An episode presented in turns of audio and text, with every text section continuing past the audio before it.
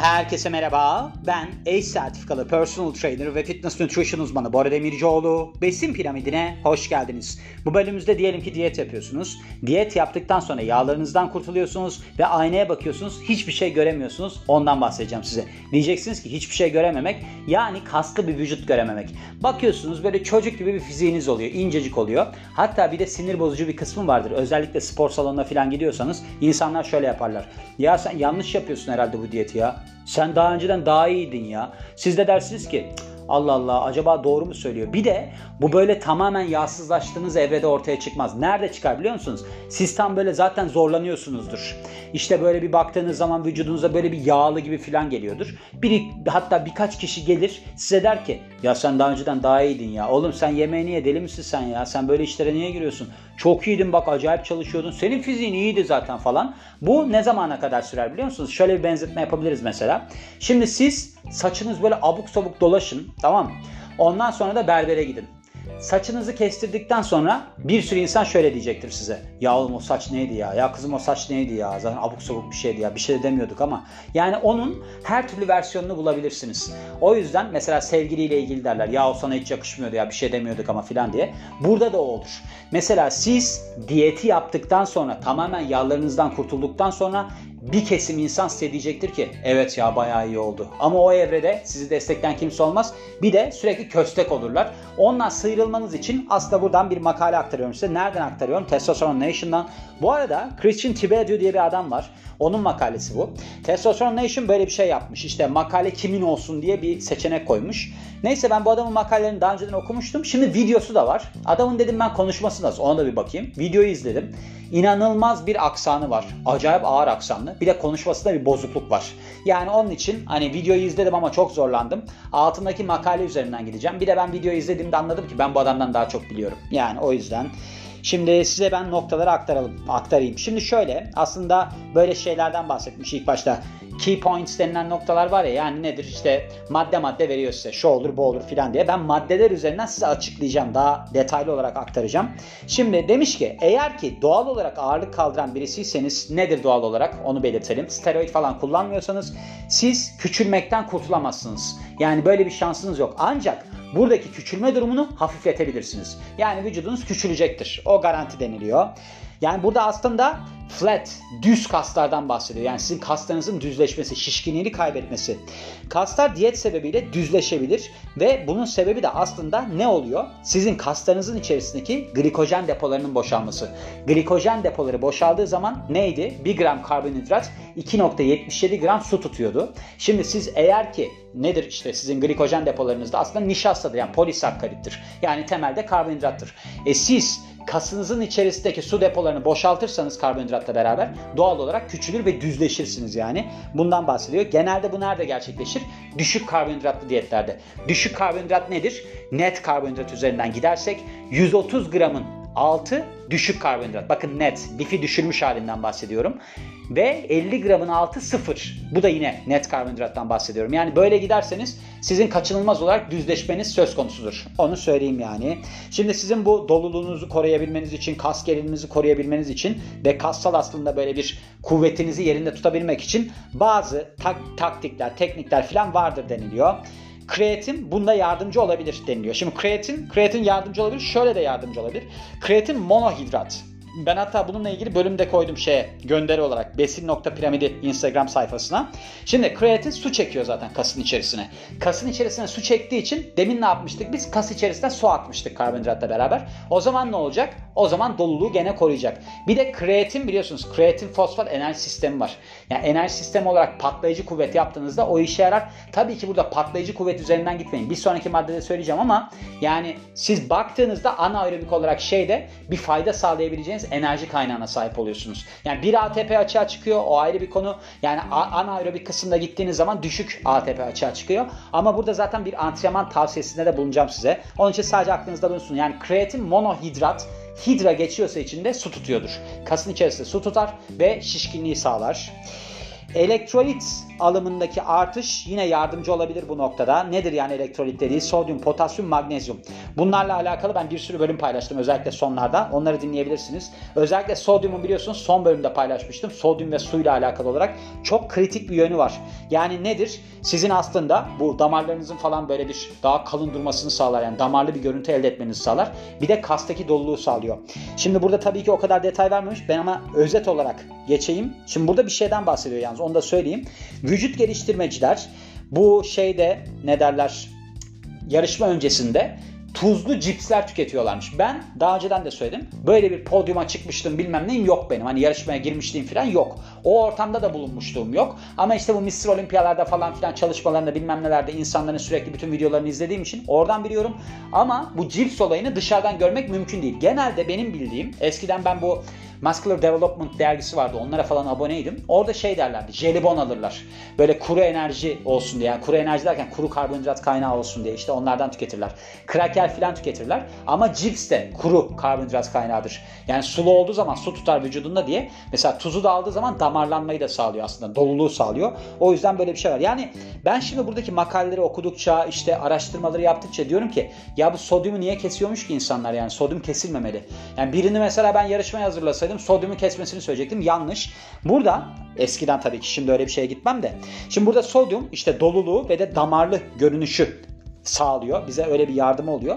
Bir de biliyorsunuz sodyumla potasyumun aldosteronla alakalı yani hormonla alakalı bir dengesi var. Neydi? 70'e 30'du. Yani siz aslında hücre içerisinde 70 oranında su tutuyordunuz ve deri altında 30 oranında tutuyordunuz. Şimdi sodyum potasyum dengesi bu açıdan çok önemliydi. Sodyum günlük olarak alınması gereken 1500-2300 mg'dı. Potasyum 3500-4700 mg'dı. Şimdi bu oranları tutturmanız gerekiyor. Bir de burada eğer ki siz sodyumu keserseniz ne yapıyordu aldosteron? Çünkü o sodyumla potasyum dengesini sağlıyordu vücuttaki. Bu sefer tuz ve su tutulması yani tuz dediğimiz zaman baktığımızda sodyumunu alamak için 0.4 ile çarpıyoruz. Çünkü tuz sodyum klorür onu tutuyordu, sodyumu tutuyordu. Bu sefer su tutulması artıyordu. Yani dengeyi sağlamanız gerekiyor. Ama genel olarak da işte sizin bu aslında denge genel olarak sağlanması gereken bir noktada elektrolit olarak baktığımızda.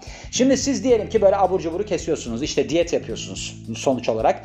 O zaman ne olacak? Siz aslında aldığınız sodyumu da azaltacaksınız. Yani böylece de işte sizde daha az doku bazında da bakarsak su olacak. Şimdi vücutçuların işte bu noktada aslında gelişiyor düzleşmesi. Hani ben size anlattım ya önceki bölümde miydi ondan önceki bölüm hatırlamıyorum. Şey dedim ya size bu hücre içerisindeki su çekildiği zaman hücre dışındaki deri altındaki su da çekiliyor ama ikisi de aynı oranda çekiliyor diye. Şişkinlik kayboluyor yani. Onun için belirli oranda gitmeniz her zaman faydalı demiştim. Onu anlatıyor burada gene. Diyet yaptığınızda kardiyoyu artırırsanız artırırsınız. Bu sebeple aslında terleme de artar ve siz terlemeyle sodyum dışarı atıyorsunuz. Yani siz sodyum alımınızı korumalısınız ve hatta artırmalısınız. Denilmiş burada. Yani dengeyi korumanız açısından şöyle.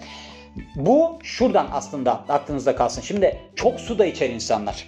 Çok su içtiğiniz zaman yine dışarıya idrarla sodyum atıyorsunuz. Mesela magnezyum da atılıyor terlemeyle beraber. O da biliyorsunuz 200 tane metabolik reaksiyonda işe yarıyordu. Yani eğer ki siz bu magnezyum dengenizi işte potasyum sodyum dengenizi bozarsanız terlemeyle beraber sorun çıkacaktır. Magnezyum neydi? 320-420 mg almanız gereken bir mineraldi. Onu da sağlamanız gerekiyor. Yani aslında diyet yaptığınızda vücudunuzun su tutmaması, çok fazla düzleşmemeniz falan için fazlaca stratejik gitmeniz lazım. Yani ürün olarak bakıyorsunuz mesela şimdi bitter çikolata geçenlerde paylaştım hatta. Paylaştığımda dedim ki ya dedim bunun 70 ile 85 oranında kakao içereninde bayağı yüksek magnezyum var. 140 mg mı 130 mg mı şimdi hatırlamıyorum 60 gramında bir karesinde. Bana hep şey yorumu gelmiş. İşte yağ da var bunda falan. Arkadaşlar yağ olabilir içerisinde. Yani yağ olabilir. Oradaki de doymuş yağdır hatta. Doymuş yağ aslında Leydig hücreleri vasıtasıyla testislerde ne yapıyor? Testosteron üretimine vesile oluyor. Yani sizin aldığınız kolesterol öyle bir şeye vesile oluyor. Ama tabii ki burada %10'u geçmemesi gerekiyor. Yani oradan aldım ben yağ, kalanında hiç yağ tüketmiyorsanız zaten alabilirsiniz onu. Yani öyle bir durum var. Şimdi gördüğünüz her ürüne de böyle aman bundan yemeyin bu çikolata diye bakmayın.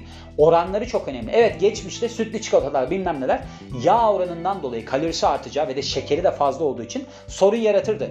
Bir kere doymuş yağlı şekeri beraber alırsanız zaten onun hücre içine geçişi zorlanıyor. Onunla ilgili bölüm de yaptım ben. İnsülin direncine sebep olur doymuş yağ. Eğer ki şekeri beraber tüketirseniz çünkü doymuş yağ kolesterol damarlara yapışıyor. Bu sefer emilimi hücre içine geçirmeyi düşürüyor. O yüzden yani bunlara dikkat edin. Yani her ürünü böyle baktığınızda Aa, bu yenilmez diye düşünmeyin. Onu söylemek istedim yani. Ve sonrasında hafta içerisinde yüksek daha yüksek karbonhidratlı günler tüketin. Yani öyle günler düzenleyin demiş kendinize. Mesela carb cycling yani karbonhidrat döngüsü birkaç gün boyunca işte düşük karbonhidrat alırsınız. Onun bölümü var dinleyebilirsiniz. Ardından da işte sizin kas glikojen depolarınız boşalmaya başladığı zaman da daha yüksek karbonhidratlı günler takip eder bunu. Yani burada aslında yüksek karbonhidrat dediği 200 gram filandır. Böyle kalkıp da 400-500 değildir. Ama ben şunu da savunuyorum. Mesela testosteron oranlarının düşmemesi için bazı noktalarda böyle bir 400 gram filan gibi karbonhidrat da alınması gerekiyor. Yani en azından işte bir 10 günde bir falan onu düşürüp düşürüp glikojen depolarını iyice boşaltıp şimdi glikojen depolarına baş, baktığınızda kas glikojen depoları antrenmansız bireylerde işte 400-500 gram kadar oluyor. Karaciğerdeki 90 gram oluyor. Karaciğerdeki zaten kas olmadığı için sizin işte hayati fonksiyonlarınızı desteklemek için kan şekerini yükseltiyor işte uykudayken falan. Kaslı bireylerde 770 grama kadar çıkıyor kastık glikojen seviyeleri. Bir de şey de oluyor. Karaciğer glikojen depoları da işte 100'e kadar falan yükselebiliyor. Şimdi burada siz eğer ki oruç moruç tutup ondan sonra antrenmanda yapıp bunları boşaltırsanız e gördüğünüz gibi yani 400 gramlık karbonhidrat alımı pek de size dokunmayacaktır. Çünkü glikojen depolarını aslında yükseltecek, dolduracak. O zaman da ne olacak? İnsülin de salgılanacak. Şimdi stratejik davranırsanız burada insülin salgılaması aslında ribozomları daha fazla protein sentezlemesi için de uyarıyor. Yani öyle de bir durumu var. Tabii ki burada çok teknik bir şeyden bahsediyorum ama aslında bazı zamanlarda yani 50-50-50 gittiniz mesela. Sıfır karbonhidratta gittiniz nette. Ondan sonra bir gün 400'e çıktınız olabilir. Yani bu eğer ki belli bir kalori içerisine gidiyorsanız siz mesela kalorinizi sayıyorsunuzdur, tartıyorsunuzdur sorun çıkarmayacaktır. O aklınızda bulunsun. Ve sonra demiş ki patlayıcı egzersizler yardımcı olur mu? Evet ve hayır demiş. Şimdi burada aslında kastaki bir kasılım şeyinden bahsediyor ve herhangi bir kasılım kastaki şeyi artırır. Yani eğer ki nörolojik bir aktivasyon gerçekleşiyorsa sizin aslında kasınız çalışır kısacası. Yani kasınız çalıştığı zaman ne oluyor? Aslında su çekiyor içerisine. Çünkü çalışmayan bir şey mesela siz kolunuzu kırın, bacağınızı kırın, alçıya alsınlar. 3 hafta sonra incecik çıkar. Atrofiye uğruyor. Çünkü suyunu bırakıyor. Ondan bahsediyor. Ama bakın burada yer vermediği bir şey var. Şimdi pasif stabilite denilen bir kavram var. Siz eğer ki patlayıcı kuvvet çalışması yaparsanız patlayıcı kuvvet çalışmasında çok fazla eklemlerinize yük biner. Bunu sadece işte şey olarak düşünmeyin yani pliometrik işte zıplamalar bilmem neler olarak düşünmeyin. Onlar da patlayıcı kuvvet ama şu da çalışmaya dahildir. Mesela one rep max giderseniz işte kaldırabileceğiniz kadar ağır kilo kaldırırsanız. Şimdi ben diyet yapıyorum. Daha fazla kasım su çeksin diye onu yapıyorum. Şimdi kassal çalışmada böyle bir 1 ile 5 tekrar arasında giderseniz ne olacak bu sefer? Miyofibriller hipertrofi gerçekleşecek. Yani aslında sizin kas hücreniz içten büyüyecek. Öbüründe ne oluyor? Sarkoplazmik hipertrofi. Sarkoplazmik hipertrofi de su çekiyor. Yani suyla dolduruyorsunuz aslında. Sıkı bir kas elde etmiyorsunuz. Böyle daha çok şişkin ama suyla dolu bir kas elde ediyorsunuz balon gibi. Şimdi buradaki kritik nokta bu oluyor aslında baktığınızda. Şimdi siz eğer ki diyet yapıyorsanız özellikle benim bununla ilgili kendimde de gözlemlediğim ve diğer insanlarda da gözlemlediğim bir şey var. Bakın kahverengi yağ hücreleri, beyaz yağ hücresi, bej yağ hücresi var. Bunların ben bütün bölümlerini yaptım dinleyebilirsiniz. Şimdi bej yağ hücresine beyaz yağ hücresi aslında yakılması zor olan. Kahverengi olan demiri çok olan çabucak yanıyor, kullanılıyor. Şimdi burada mesele şu. Mesela irisin denilen bir hormon vardır. Ortalama yoğunluklu bir egzersiz yaparsanız ortalama yoğunluklu egzersiz irisin hormonunun ortaya çıkmasına vesile oluyor. İrisin hormonu ortaya çıkarsa sizin beyaz yağ hücrelerinizin dönüşme hızı artıyor kahverengiye. Kahverengi de daha hızlı yanıyor. Ama kahverengi yağ hücrelerinin birikme noktası boyun, omuz gibi o bölümler, yüz o bölümlerde.